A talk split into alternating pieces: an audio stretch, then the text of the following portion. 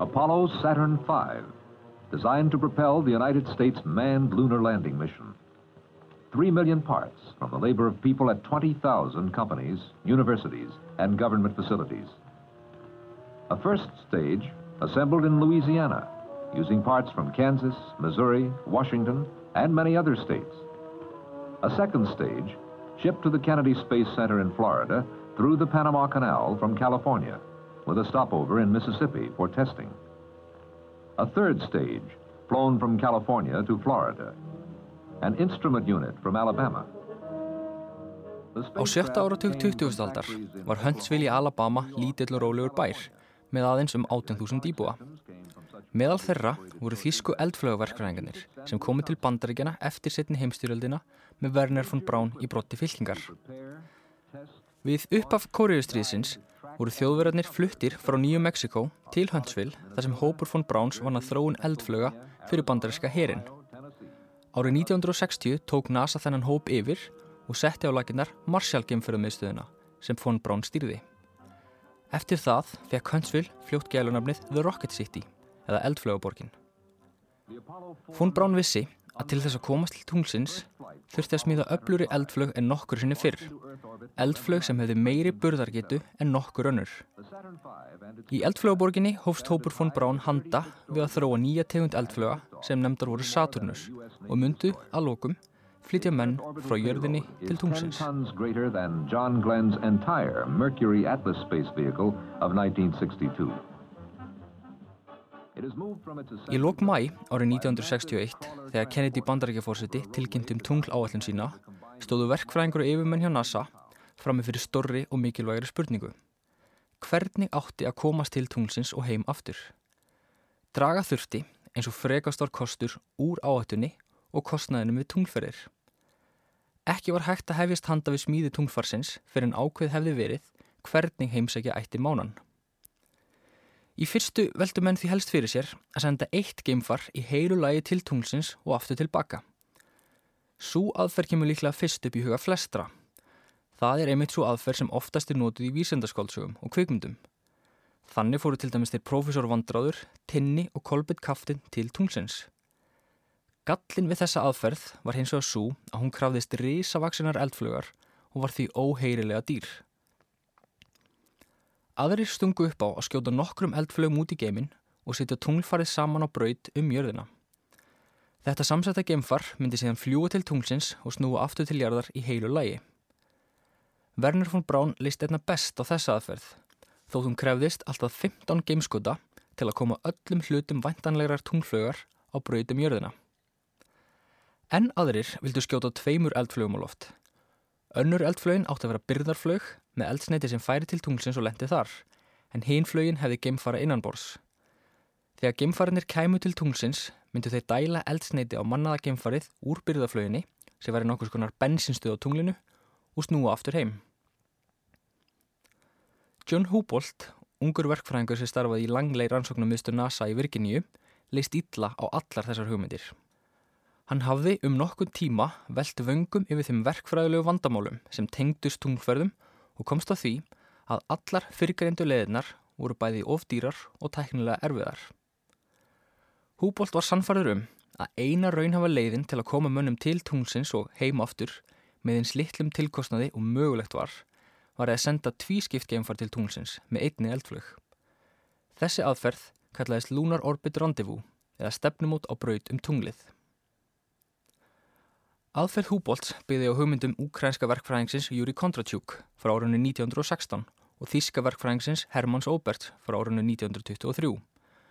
Hún gekk út á að senda mannað geimfar á brautum jörðina, tengja það saman við ómannaða tunglferju og fljúa síðan til tunglsins. Við komuna til tunglsins myndi tunglferjan, þá með tvo geimfara um borð, losna frá stjórnfarinu og lenda. Á meðan tveir gengju á tunglinu ringsólaði þriðji geimfarin um tunglið einn í stjórnfarinu. Tunglferinni er þið skiptið tvö þrepp og myndi það neðra sjá um lendinguna en hefði efra flugtæki frá tunglinu aftur. Að lokinni tunglgöngu myndi geimfarinir yfirgefa tunglið með efra þreppinu, tengjast aftur við stjórnfarið og halda að heim til jarðar. Annar verkfræðingur, Tom Dolan að nafni, vakti aðtegli NASA á þessari aðferð um svipa leiti en talaði fyrir döfum eirum. Dólan og Húbolt vissu báðir að þingd geimfarsins var í einna mikilvægsti þátturinn í að koma munnum til tunglsins. Helsti kostur aðferðar Húbolts og Dólans var sá að ekki var gerð krafa um lending á tunglinu með fullan elsneitistang. Þannig var ég hægt að draga verulega úr þingd geimfarsins og minga það sem aftur dragi enn frekur úr þingdini. Mun ódýrara er að skjóta léttum geimförum út í geimin en þungum, því eldflögin getur verið smerri. Margir, bæði verkfræðingur og auðumenn hjá NASA, óttuðust að þessi aðferð var í allt of áhættisum. Árið 1961 hafðu menn ekki enn prófað að tengja saman geimför og brautum jörðu, hvað þá brautum tunglið. Húbolt talaði fyrir döfum eirum eins og dólan og mætti víða mjög mikill í anstöðu. Stundum voru viðbröðmanna jafnvel fjandsamleg Maxime Faché, verkfræðingurinn sem hafði umsjón með hönnun Mercury geimfarsins og síðar Gemini og Apollo geimfarana, sparaði ekki stóru orðin og sagði að tölur Húbolts var lígi og hann hefði ekkert vitað þessu. Þrátt fyrir mikla anstöðu ákvað Húbolt að fanga aðtegli æðstu yfirmanna NASA með óheðbundum liðum. Árið 1961 sendi hann Robert Simons, aðstofafórstjóra NASA, nýju blaðsina bref þar sem hann útlistaði kosti aðferðarinnar. Í fyrstu var Símans ekki skemmt og velti fyrir sér að byggja yfirmann Húbólsi langlei að aðvara hann. En þegar Símans las brefið vandlega yfir fór hún um að lítast æg betur á aðferð Húbólts. Hann bað verkfænangin Breinert Holmes sem stýrði geimferðaállinu hjá NASA að skoða hugmynd Húbólts ítalega. Tveimur vikum síðar var Holmes sannfæður og benti aðstu stjórnundum NASA þeim James Webb og Robert Simons að skoða þennan möguleika af fullri alvöru. Með þrautsegu tókst Húbolt smásamann að sannfara yfir með NASA um ágæti aðferða sinnar en erfið að skekka sannfara fón Brán og hans menn í Huntsville. Þann 7. júni árið 1962 funduðu yfir með NASA með von Brán og var að köplum mikill heiti í munnum. Eftir meira en 6 klukkustunda þref var von Brán þó loks sannfarður. Mánuði síðar, þegar mörkur í geimáallin stóð sem hæst, tilkynnti NASA að bandaríkinn myndi nota aðferð Húbolts stefnumót á brautum tunglið til að heimsegja þennan næsta nákvæm okkar í geimnum. Í lok oktober árið 1961, innan við ári áður en NASA tilkynnti um tunglferða áallin sína, hófist prófanir á fyrstu Saturnus eldflög von Browns, Saturnus 1. Saturnus 1 var næstum 60 metra há og 510 tonn. Mikilvægast var þó að Saturnus 1 var fyrsta tveggja þreipa eldflögin sem bandarækjumenn prófuðu. Ef fara átti til tunglsins var nöðsynlegt að koma upp þrepaskiptum eldflugum. Þegar eldsneiti klárast í einu þrepi, losnar það burt og næsta þrep teku við. Þannig mótti létta eldflugina og gera henni kleift að ferast hraðar og herra. Til að komast til tunglsins þurfti eldflug með að minnstakosti þrjú þrep. Mikil spenna ríkti í stjórnstöðinni þegar skjóta átti Saturnus 1 og loft í oktober 1961, ekki aðeins vegna þessum geysi mikilvæga tilrönd var að ræða, heldur óttust menn að flögin myndi springa á skotpallinum. Mísæfnu gameskot voru enda tíð á þessum tíma. Saturnus 1 var lang uppljósta eldflögin og ef hún springi myndi skotpallurinn eiðilegjast og senka frekari tilrunum um alltaf hálft ár. Áhaugunar reyndust óþarfar því gameskot Saturnus 1 gekk fullkomlega. Með þessu hafði Fón Brán og teimi hans sínt fram á tæknina sem þurfti til að komast til tungsins. Næstu mánuði fóru frekar í prófunu fram sem allar hefniðust og ruttu brautina fyrir þróun sjálfurar tungflögureinar. Strax í janúar 1962 hófst þróun á þryggja þreipa eldflög sem í fyrstu var kvöldu C5 en síðar hlautnafnið Saturnus 5. Saturnus 5 átti að vera 111 metra laung, 36 metrum herri en Hallgrímskirkjuturn og lengri en fótballtaföllur.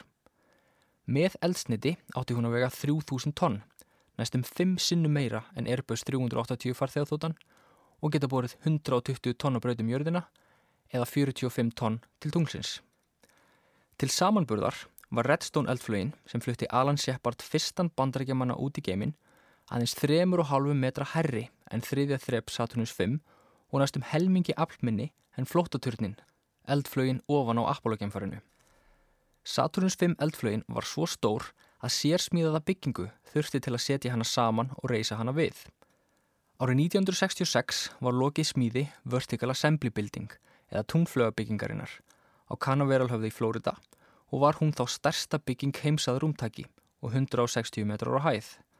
Fón Brán og teimi hans í Marshall geimferðarmiðstöðin í Huntsville í Alabama sá um hönnun Saturnusflögurinnar en smíði mismunandi hluta hennar var í höndum undirverktaka eins og Boeing, North American Aviation, Douglas Aircraft Company og loks á IBM um að þróa tölvubúnaðin og leiðsögukerfið. Á papirnum var Saturnus 5 eldflögin fær um að ferja menn til tunglsins en var hægt að smíða þessa risaflög og koma henn út í geiminn. Þróun flögurinnar gekk alls ekki þrautalust fyrir sig. Fyrsta þreip Saturnus 5 var stærst og öflugast og var að geta lift flöginni upp í 67 km hæð og koma henni á tæbla 10.000 km hraða á klukkustund. Til þess þurfti 5 geysi öfluga eldflögarhefla sem kallar voru F1. Við gameskot var hver F1 hrifill að brenna næstum 3 tónnum af eldsniti á sekundu, samanlagt um 13.000 lítrum á sekundu til að lifta eldflöginu stóru af skotpallinum. F1 hreflarnir voru líkillina því að komast til tunglsins og sennilega mesta verkfræði afreg Apollo verkefnisins. Verulegar tekniframfarir þurfti nefnilega til til að útbúa F1 hreflana. Þeir höttu aðeins að vera í gangi í tvær og halva mínútu en þóra gríðalegt afl. Búa þurfti til nýjar málmblöndur og nýja framlegslutekni til að hreflanir þyldu þann mikla hita og titring sem myndaðist þegar þeir voru restir. Það fór ekki fram hjá neinum íbúa í Huntsville í Alabama þegar fyrsta prófunin á F1 hribli fór fram þann 16. apríl árið 1965. Sérsmíða þurfti mannverki sem bæði 3000 gráðu heitum gasdróknum til hliðar eða geti byggingin hreinlega lifst upp. Þegar hreyfilin var restur var háfaðin slíkur að hús í næsta nágrinni leika á reyði skjálfi. Nokkra kilómetri burtu, í miðbæ Huntsville, sprungur rúður í húsum þegar höggbylgjan frá hreyflinum skall á þeim. Stuttu síðar barst gufuskíið yfir bæin. Þetta gerðist reyndar aðeins í tiltekinni vindátt og var hreyfillin því aðeins prófar þegar vindur var hagstaður. Drununar síndu þó að bandaríkin ferðist sífælt nær því að uppfylla markmi Kennedys um að ferðast frá jörðinni til tunglsins.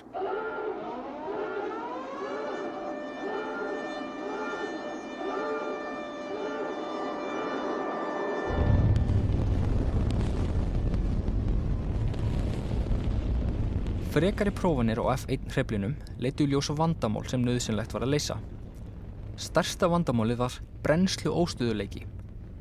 Strókurinn sem stóð út úr hreflinum snýrist um sjálfan sig um það byrjt 2000 sinnum á sekundu. Þessi brennslu óstöðuleiki gæti orðið til þess að hreflin sprakk sem gerðist enda annars lægið. Verkfræðingarnir leituðu lengi að lausna þessu vandamáli og fundu hann á endanum en hún fólst í því að breyta því hvernig eldsneitinu var dælt inn í brennsluhólið eða sprengirýmið þar sem eldsneiti brennur. Þegar fyrsta þrepið hafði lokið sínu verki átti annað þrepið að taka við, réttur um um tveimur og halvri mínútu eftir flugtak. Annað þrepið var næstum 25 metrar á hæð og 10 metrar breytt, rétt eins og fyrsta þrepið. Með eldsneiti voð þá 480 tonn en aðeins 38 tonn án eldsneitis. Á því voru 5 hreplar, mun aflminni en F1 hreplanir. Annað þreipið var verkfæringum síst minni höfuverkur og reynar meiri vegna þess að Apollo-gjan fari sjálft sem setja átti ofan á þriðja þreipinu þingdist sífælt í þróunavinnunni svo létta þurfti annað þreipið eins og kostur var. Til að létta þreipið þurfti að breyta eldsnitistöngunum. Uppálega áttu tankarnir að vera tveir, annar ofan á hinum, fullir af mjög kvarfgjörnum eldsnitisfögum við mismunandi hitastig. Í stað tveggja tanka var bröðuð á það ráð að nota einn og setja hættu á milli sem aðskildi vögfana. Þannig var hægt að minga þrepið og leta það um leið. Þetta þýtti hins vegar að aðeins 1 cm skildi eldsneitisvögfana að. Þetta var erfiðasta vandamáli sem leysa þurfti í öðru þrepinu. Eldsneitið í öðru þrepinu var mjög kallt og komu þurfti í vekk fyrir að það hittnaði sólinn í Flórida. Oftast höfðu eldsneitistankarnir verið einangraði með efni með vakskökuminstri sem límt var á tankana. Það gekk eins og er illa í tilviki Saturnus 5 flugurinnar því efnið losnaði sífælt af. En hjálp barst úr óvendri átt. Þrepið var í smíðum skamt frá vinsælu brimbrettasvæði í Kaliforníu. Þannig vildi til að brimbrettafólkið notaði sama einangrunarefni á brimbrettin sín og noti átti á eldsneitistanga tunglflögurinnar. Brimbrettafólkið var sérstaklega lægið við að festa efnið á og ákvaðu verkfræðingarnir að ráða það í vinnu til sín. Þau leistu verkefnið fullkomlega en eini gallin var sá að þegar brími var gott mætti fólkið ekki vinnuna. Þriðja þrepið var talsveit minna en fyrstu tvö þrepin eða næstum 18 metrar á hæð og rúmlega 6,5 metrar á breytt. Sérstaða þrepsins lág í því að ræsa þurfti eina reyfil þess oftar en einu sinni. Fyrst til að koma Apollo geimfarun á brautum jörðina og síðan aftur til að íta því frá jörðinni og áleiðist til tunglsins. Smíðið þriðaþrepsins gekk heldur ekki þrautalust fyrir sig. Til að halda þingd þessi algjöru lámarki voru málmplötunar í þrepinu mistikkar. Erfilega gekk að sjóða þar saman og eina leiðin til að leysa það var að endur hann á loksuðutækin. Ofan á þriðaþrepinu var tækja eining sem minni helt tölfur og leiðsögubúnað eldflugurinnar en þróun hennar og smíði var í höndum IBM fyrirtækisins. Efst var síðan sjálft Apollo geimfarið en fjallaverður sérstaklega um það síðar. Þótt langan tíma tæki að leysa verkfræðilegu vandamálinn var stærsta vandamáli við Saturnus 5 ekki bundi við tækibúnaðinn, heldur hugmyndir manna um prófanur á þeim. Fón Brán og hópur hans vildi prófa hvert þreip fyrir sig. Þótt svo nálgun hljómi skinsamlega og tryggi bæði vandvirkni og nákvæmni var hún bæði dýr og mjög tímafreg og þann tíma hafði Apollo game állunin ekki. NASA ákvað því, þvert og óskýr fón Brán að í stað þess að prófa hvert þreip fyrir sig er því áhættan tekin og öll þreipin prófið í einu með því að skjóta Saturnus 5 eldflugum á loft. Þegar smíðið þreipanum var lokið voru þau flutt til Kennedy geimfæraðmiðstöðurinnar í Flórida. Fyrstu tvö þreipin voru svo stór að útiloka var að aka þeim til Flórida. Eina leiðin var að sigla með þau.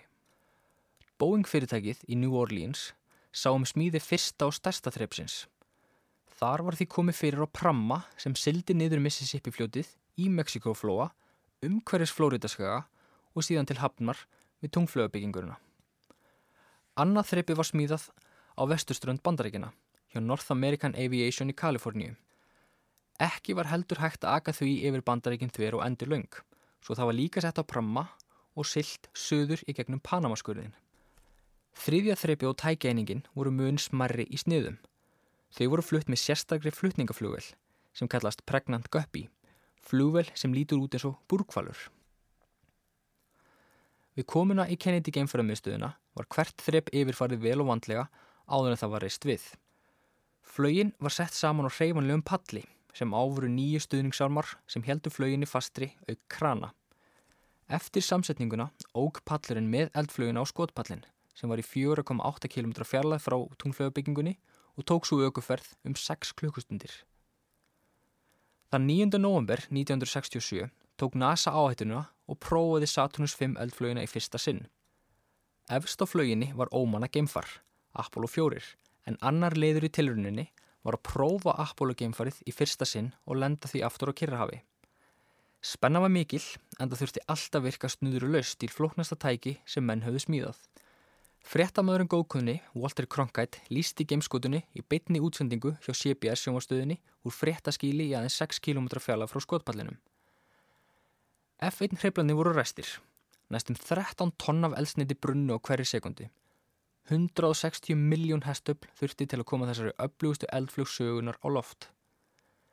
Krafturinn í flöginu var slíkur að skíli hrundi næstum og varð Cronkite að styðja við glerklukka til að koma í vekk fyrir að hann splundraðist. Hann lísti gríðalegum háfaða en það var þetta háverasta vél í heimi. 5, 4, we have ignition. All engines are running. We have liftoff. We have liftoff at 7 a.m. Eastern Standard Time. The tower has... My God, our building's shaking here. Our building's shaking.